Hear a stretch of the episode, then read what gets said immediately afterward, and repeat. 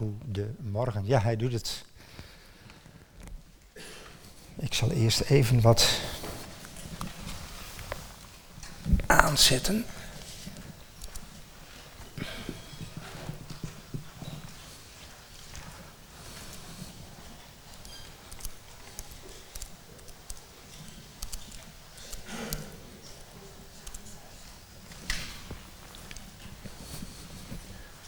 Als het goed is, doet hij het. Ja, hij doet het. Bedankt voor de prachtige liederen. Ik vind het altijd weer uh, heel bijzonder om te kijken van, ja, je geeft wel een thema door en je hebt wel even contact, maar verder eigenlijk niet heel erg inhoudelijk over de keuze van de liederen. En dan merk je dat het altijd op een hoger niveau zeg maar, gearrangeerd wordt. En dat het dan weer heel mooi bij elkaar past. En ook dit laatste lied, I Surrender, is natuurlijk een prachtig lied. En ik dacht wel bij mezelf van overgave heeft wat een negatieve uh, klank soms. Hè? Omdat je, tenminste dat is mijn eerste associatie, als je je overgeeft, dan denk je bijvoorbeeld dan is er iemand sterker dan jou. En dan heb je een vijand en dan geef je je over aan de vijand. Maar daar ging dit niet over. Dit is je overgeven aan een. Zoiets. Zijn mijn uh, stoppels weer. Uh, ja, goed. Maar als je je overgeeft aan God, dan geef je je niet over aan. Tuurlijk geef je over aan iemand die sterker is. Maar ook die veel liefdevoller is die groter is. Dus je geeft je over aan de armen van iemand die je oneindig lief heeft. En dat is een andere vorm dan dat je je overgeeft, van dat je je gewonnen geeft. Nou, moest ik even aan denken. Ik zal even mijn uh, speakbriefje ook even opstarten. Ik wil toch ook beginnen met gebed, want het gaat over gebed. En toen we zo pas dat lied I Surrender zongen, dat begon heel mooi met dat we onze knieën buigen. En ik weet niet hoe vaak jullie dat nog doen. Ik ga straks ook nog wel even hebben over het fysieke aspect van gebed. Maar laten we eens beginnen met gebed. En ik, ik ga erbij knielen. Dank u, Vader. Dank u, Heer Jezus. Dank u, Geest van God. Dank u, drie enige God, dat wij ook deze ochtend bij u mogen komen. Dat we ons mogen overgeven aan u. En dat we mogen weten dat we dan in veilige handen zijn. In liefdevolle armen. Dat we ons over mogen geven als we misschien opstandig zijn. Dat we ons over mogen geven als we vol vreugde zijn. Dat u onze blijdschap wilt delen. Dat we ons over mogen geven als we ons misschien wanhopig voelen of vragen hebben.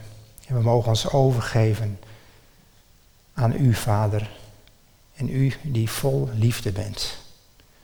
Heer, geef dat we dat ook tijdens deze dienst en tijdens deze bijeenkomst, deze samenkomst mogen ervaren. Dat het veilig is bij u. Heer, werk door de woorden heen, zoals u ook al door de liederen heen gewerkt hebt, Heer. Raak ons aan. In Jezus' naam. Amen. Goed. Titel van de. Uh, oh ja, ik zal even mijn, uh, mijn hulpmiddeltje erbij pakken. Dan kan ik de PowerPoint wat doorklikken. Titel is uh, Zien met je ogen dicht en bidden met je ogen open. Nou, ik hoop dat aan het eind van de, de overdenking dat dat wat duidelijker is wat ik daarmee bedoel. Nou, het is nog vakantieperiode, dat werd zo pas ook al genoemd. Uh, ik mag morgen weer beginnen. Nou, dat is natuurlijk een voorrecht. Ik zit in dat onderwijs, dus ik heb zes weken vrij gehad. Dat is een zegen. dus ik begon ook al bijna weer er naar uit te kijken om weer te gaan werken. Nou, nee, maar goed, het is een zegen. Dus de mensen die hier ook in het onderwijs zitten, die zullen dat met mij uh, eens zijn. Het is een voorrecht om zo lang vrij te hebben, een luxe. En vakantie is voor mij eigenlijk altijd een periode van meer rust, meer ruimte, minder verplichtingen. En het kan zijn dat ik het al eens eerder hier genoemd heb. Even zien of je het doet. Ja. Vakantie komt van het Latijnse woord vacare. En vacare kennen we als bijvoorbeeld als in binnen een gemeente of een bedrijf een functie vrij is, opgevuld moet worden, leeg is, dan noemen we de functie is vakant. En vacare betekent dus eigenlijk lege ruimte. Dus lege ruimte ja, waarin je tot rust kan komen, waarin er van alles kan. Goed. Nou, Riemke en ik zijn net op vakantie geweest, een tijdje terug alweer thuisgekomen. En wij zijn naar Zweden geweest. Nou, als je het over ruimte hebt. Wij hebben een hike gedaan in Jamstland. Jamstloon, bijna op zijn Fries. En dat is groter, die provincie is groter dan Nederland. En heeft ongeveer 130.000 inwoners. Dus dat is volgens mij net iets meer dan Leeuwarden. Dus kun je je voorstellen, over ruimte gesproken. En wij hebben een, een hike gemaakt door een gebied wat groter is dan Friesland. Maar er zijn geen huizen, er zijn geen dorpen, ja, er zijn een paar berghutten. Er zijn geen wegen, er zijn geen auto's. Er zijn een paar moeilijk begaanbare paadjes. En er is vooral heel veel ruimte en stilte en bossen en bergen en riviertjes. Een week later rivieren door de regen die er kwam. Maar goed, stilte, ruimte, rust. En wij houden daar enorm van. want je krijgt weer een besef van nietigheid, een besef van bescheidenheid als mens. Wij zijn te gast in dat gebied. En het is eigenlijk, ja, we genieten enorm van die rust, die ruimte. Uh, geen reinheid, want primitief kamperen is natuurlijk altijd langzaam aan vervuilen. Maar goed, je stinkt allebei, dus dat maakt niet uit. En je komt verder niemand tegen. Dus, maar voor ons is het wel een mentale detox. Een soort mentale reiniging. Want op het moment dat je daar loopt, en als je daar uren soms loopt, en dan zijn we echt niet de hele tijd met elkaar in gesprek, maar dan worden we stil en dan wordt het leeg van binnen, dan wordt het wijds. En dat is fantastisch. Dat is wat je noemt vakantie. Nou, de monniken en de monialen, nonnen ook wel genoemd, door de eeuwen heen, kenden ook het begrip vacare deo. Daar zit dat woord vakant ook weer in. En dat betekende eigenlijk ruimte scheppen voor God. En soms werden, en ik vond dat best wel gek toen ik dat voor het eerst hoorde. Ik denk van nou, dan ben je al 24 uur leef je, per dag leef je in een klooster. Maar af en toe kregen de monniken of de demonialen kregen dan de ruimte om nog meer tijd voor God te nemen. En dan werden ze even voor een tijdje ontslagen van hun dagelijkse verplichtingen. En dan mochten ze nog meer tijd nemen voor God. En dat noemden ze vacare deo.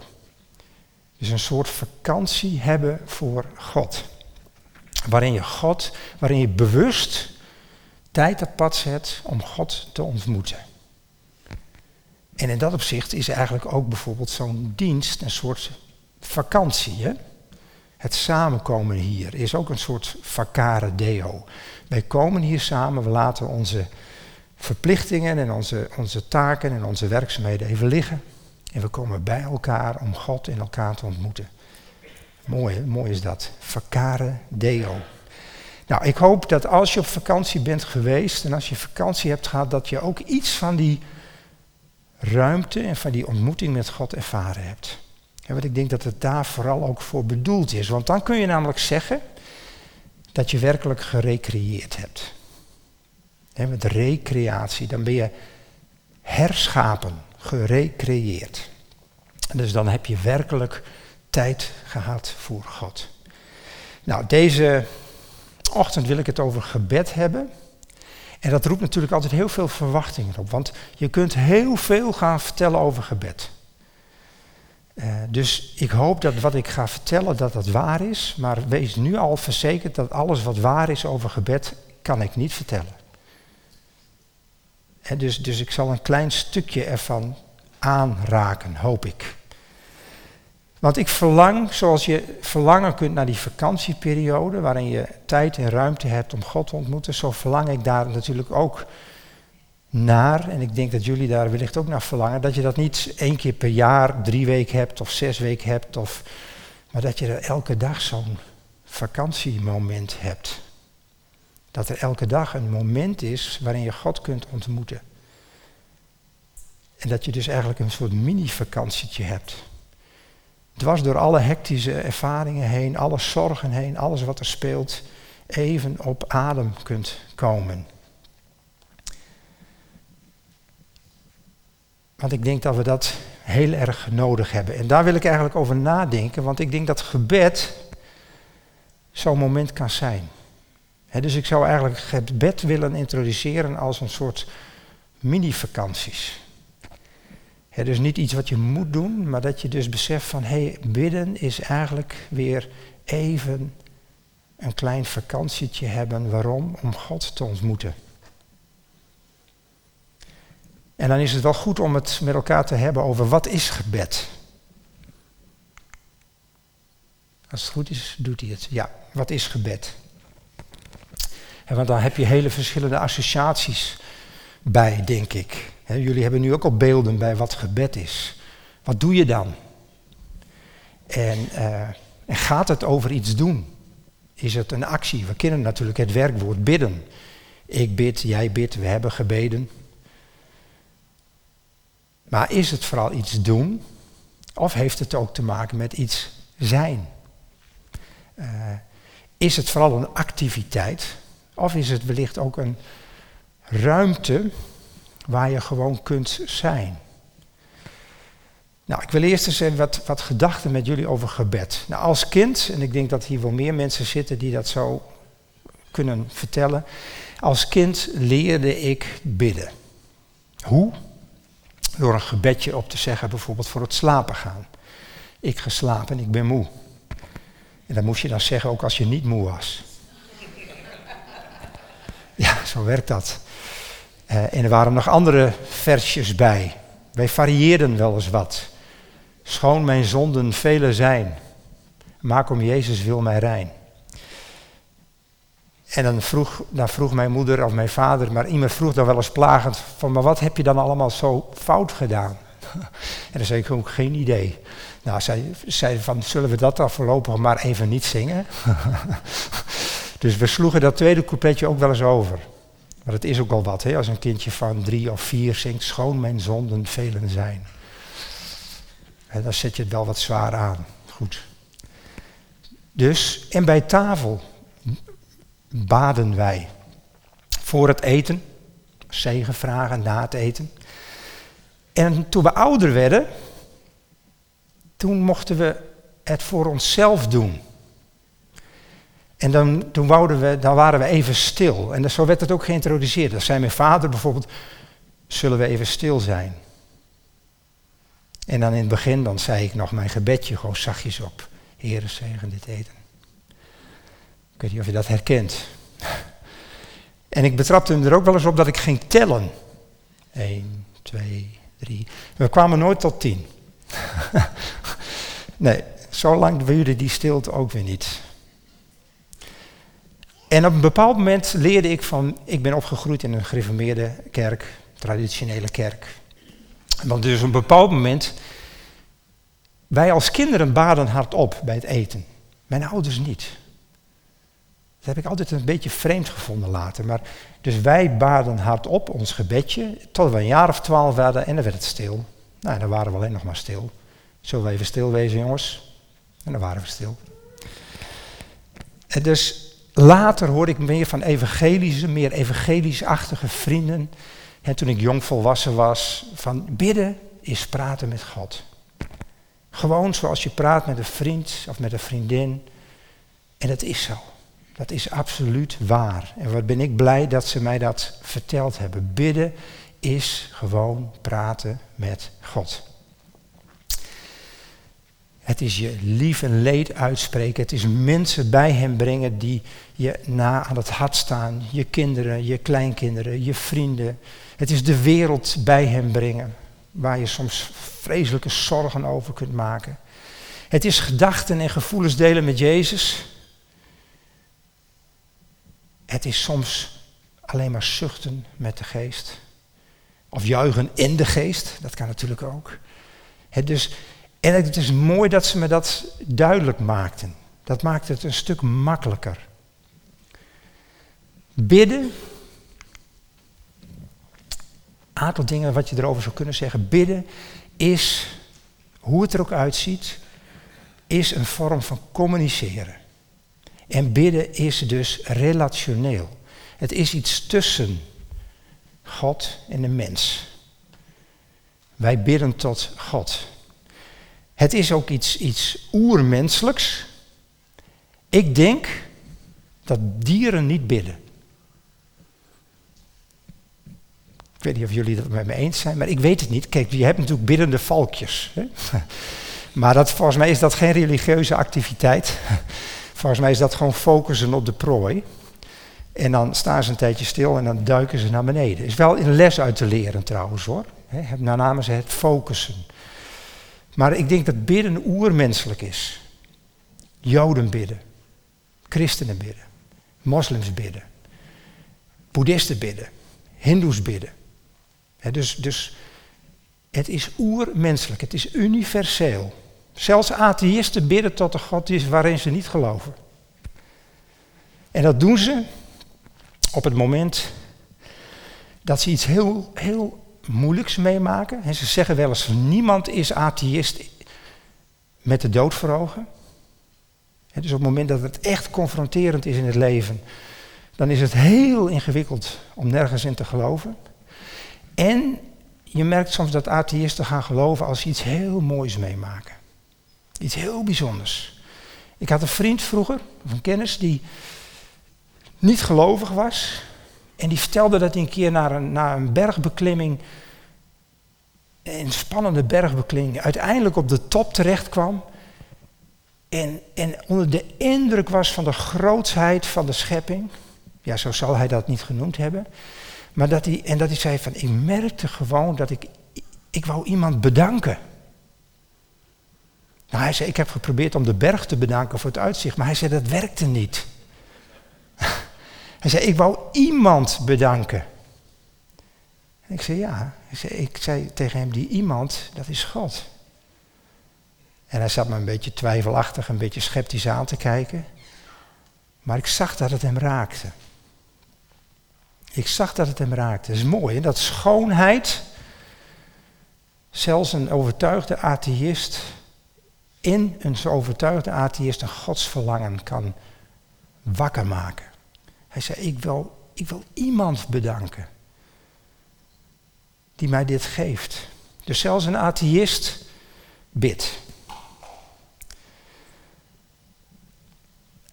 Het begon denk ik al bij het begin. Adam en Eva, die wandelden met God in de hof, in de tuin. En wat deden ze tijdens dat wandelen? vraag ik mij dan af. wat deden ze? Nou, ik denk dat ze ervaringen deelden met elkaar. Dat ze spraken met elkaar. Dat ze genoten van elkaars aanwezigheid. Dat ze misschien ook hele tijden stil waren. zoals ook als Riemke en ik dan in de bergen lopen, dat we ook hele tijden stil kunnen zijn. Maar wel samen zijn. En voor de zondeval was het gebed het, het wandelen met God. want dat is dan eigenlijk een vorm van gebed. Voor de zondeval was dat, was dat zo vanzelfsprekend. Daar hoefden ze eigenlijk niks voor te doen. En gebed was dus ook niet een manier om, ja, om, om als het ware God te zoeken. en dat was ook niet een manier om, om met God in contact te komen. Want ze waren al met God in contact. Het was ook niet een manier om een relatie te krijgen met God. Nee, het was de relatie. Gebed, het wandelen met God was de relatie tussen God en de mens. En gebed begint, dat is een ander aspect, niet bij ons. Gebed begint bij Gods aanwezigheid in ons leven. Gods spreken tot ons. En ons bidden zou je kunnen zeggen, is altijd een reactie erop. Is eigenlijk altijd een antwoord op zijn spreken. dus eerst spreekt hij. Hij is de initiatiefnemer. En ons bidden is altijd een reactie op zijn initiatief. Dus het is een vorm van communiceren, het is relationeel, het is zijn initiatief en het is ons antwoord. En hij spreekt op allerlei manieren tot ons. Hij spreekt door zijn woord, hij spreekt natuurlijk door zijn zoon Jezus Christus, die ook die weg tot hem weer opengemaakt heeft. want door de zondeval was er natuurlijk een enorme afstand ontstaan, een onoverbrugbare kloof. Maar die kloof heeft Jezus door zijn liefde, door zijn offer, door zijn leven weer overbrugd. En wij mogen weer tot hem komen. En God spreekt door de schepping heen. Er werd zo pas ook in een lied er al over gezongen, over de sterren. Over hoe de schepping van hem getuigt. En God spreekt door omstandigheden heen, door ontmoetingen. En ik heb ervaren dat periodes van gebedsloosheid in mijn leven, want die zijn er. want op het moment dat ik hier over gebed ga spreken, voelt het altijd een beetje, wat beetje ja, ik voel me daar altijd een beetje ongemakkelijk over. Ik moet ook zeggen dat ik in de afgelopen week best wel heel veel aanvechtingen, of hoe wil je dat dan noemen, maar dan denk ik, ja, wie ben ik om over gebed te spreken tot deze mensen? dus het, hier spreekt geen expert, ja, wel een ervaringsdeskundige.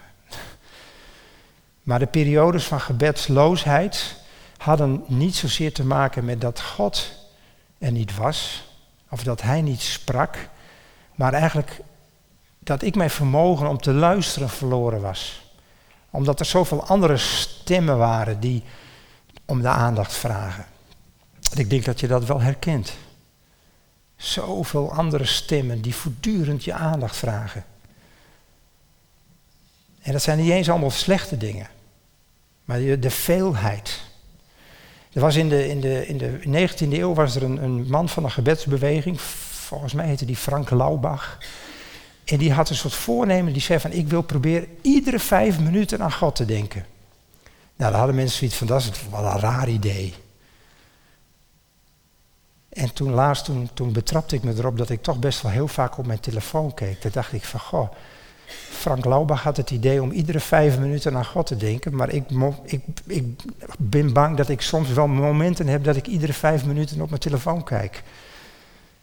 Als we die tijd nou eens zouden gebruiken om ons te richten op God. Dat zou wat zijn. Goed. Ik zei zo pas al hè, dat ik als tiener geleerd had dat mensen mij vertellen van weet je, je moet niet altijd ingewikkeld doen met bidden. Uh, je kunt gewoon met God spreken zoals je met een vriend of een vriendin spreekt. En wat ik al zei, dat is waar. God is geen strenge, afstandelijke God die je volgens een bepaald protocol moet benaderen. Met allerlei ingewikkelde formules of formele gebeden. Het is ook niet een hele geheimzinnige, ingewikkelde God die op het spoor moet komen met allerlei complexe technieken en de complexiteit zit hem vaak bij ons. God is grenzeloos groot, maar hij is niet ingewikkeld. En wij zijn het vaak die zo gecompliceerd denken in onze kleinheid. En wij maken het soms zo ingewikkeld. Laat ik voor mezelf spreken. Ik maak het soms zo ingewikkeld. God is groot en God is goed. En wat dat betreft is, zou het goed zijn om regelmatig Psalm 46, vers 10 in de Engelse versie te lezen. In de Nederlandse versie is hij net wat anders, maar in de Engelse versie zegt Be still and know that I am God. In het Nederlands staat er: stop met strijden, staak je activiteiten. Maar wees even, laat alles even vallen. Be still and know that I am God. Nou, dat is ook bidden. En dit weten, dat je stil mag zijn en dat je mag weten dat Hij God is en dat Hij groot is en dat Hij goed is. Dat helpt mij. Dat vind ik bemoedigend. Wel, en dat is even een kanttekening, wel merkte ik in de loop der jaren dat mijn visie op bidden wat versmalt was. Bidden was voor mij vooral praten met God. Dus, dus vooral een conversatie. En dat is waar, voor alle helderheid, dat is waar. Alleen ik merkte dat het mij soms ook in de weg ging zitten. Want ik had soms niet zoveel te vertellen. Ik had soms helemaal niet zoveel woorden. En dan had ik stille tijd. Maar dan was het wel heel stille tijd. En ik vond daar wat van. Dat ik dacht van, verlies ik mijn vermogen om te bidden? Ik moet zeggen, het idee dat God altijd alles al wist, vond ik ook wel een beetje ingewikkeld. Want dan denk ik, ja, waarom zal ik het hem dan nog vertellen? Dus ik werd daardoor wat stil. En ik dacht van, ja, ben ik nog wel een bidder? Bid ik nog wel? Want ja, bidden is toch praten met God? En op een bepaald moment merkte ik dat bidden ook aanwezig zijn is bij God. Dat bidden ook luisteren is. Want ik betrapte me erop dat bidden, in mijn optiek, als ik goed bad, dan was ik bij wijze van spreken tien minuten aan het woord. Nou, is overdreven. Vijf minuten aan het woord. En een halve minuut aan het luisteren. Nou, net zoals in de menselijke communicatie. Communicatie doet het goed als je luistert, want je hoort zoveel meer als je luistert. Ik weet niet wat jullie ervaring is, maar als ik praat, dan hoor ik minder wat de ander zegt. En op een bepaald moment dacht ik van, oh Heer, wat goed dat ik stilgevallen ben. Dat ik niet meer zoveel te zeggen heb. En eindelijk kwam er een tijd dat ik ging luisteren. En dat God dus ook in de stilte sprak. Tuurlijk door zijn woord heen. maar dat was voor mij wel een belangrijke, belangrijk besef. Nou, als kind, ik noemde het al, leerde ik gebedjes uit mijn hoofd. Maar ik deed er ook iets bij. Ik deed er zo pas ook iets bij. Ik knielde. Maar wat doen we met, met als we kinderen leren bidden? Dan zeggen we ogen dicht, handen vouwen, eerbiedig zijn. Nou, dat is wel goed denk ik dat je ook uitlegt wat dat dan is. Misschien knielen. Ik weet niet of dat nog veel gebeurt, maar ik, weet wel dat we vroeger wel eens niet altijd, maar wel eens dat mijn moeder zei van nou, gaan we naast het bed knielen. En dan lagen we naast elkaar met de handen zo op het bed te bidden. En dat hielp. dus gebed is naast geestelijk en verstandelijk ook fysiek, lichamelijk. En dat was ik in de loop van de tijd,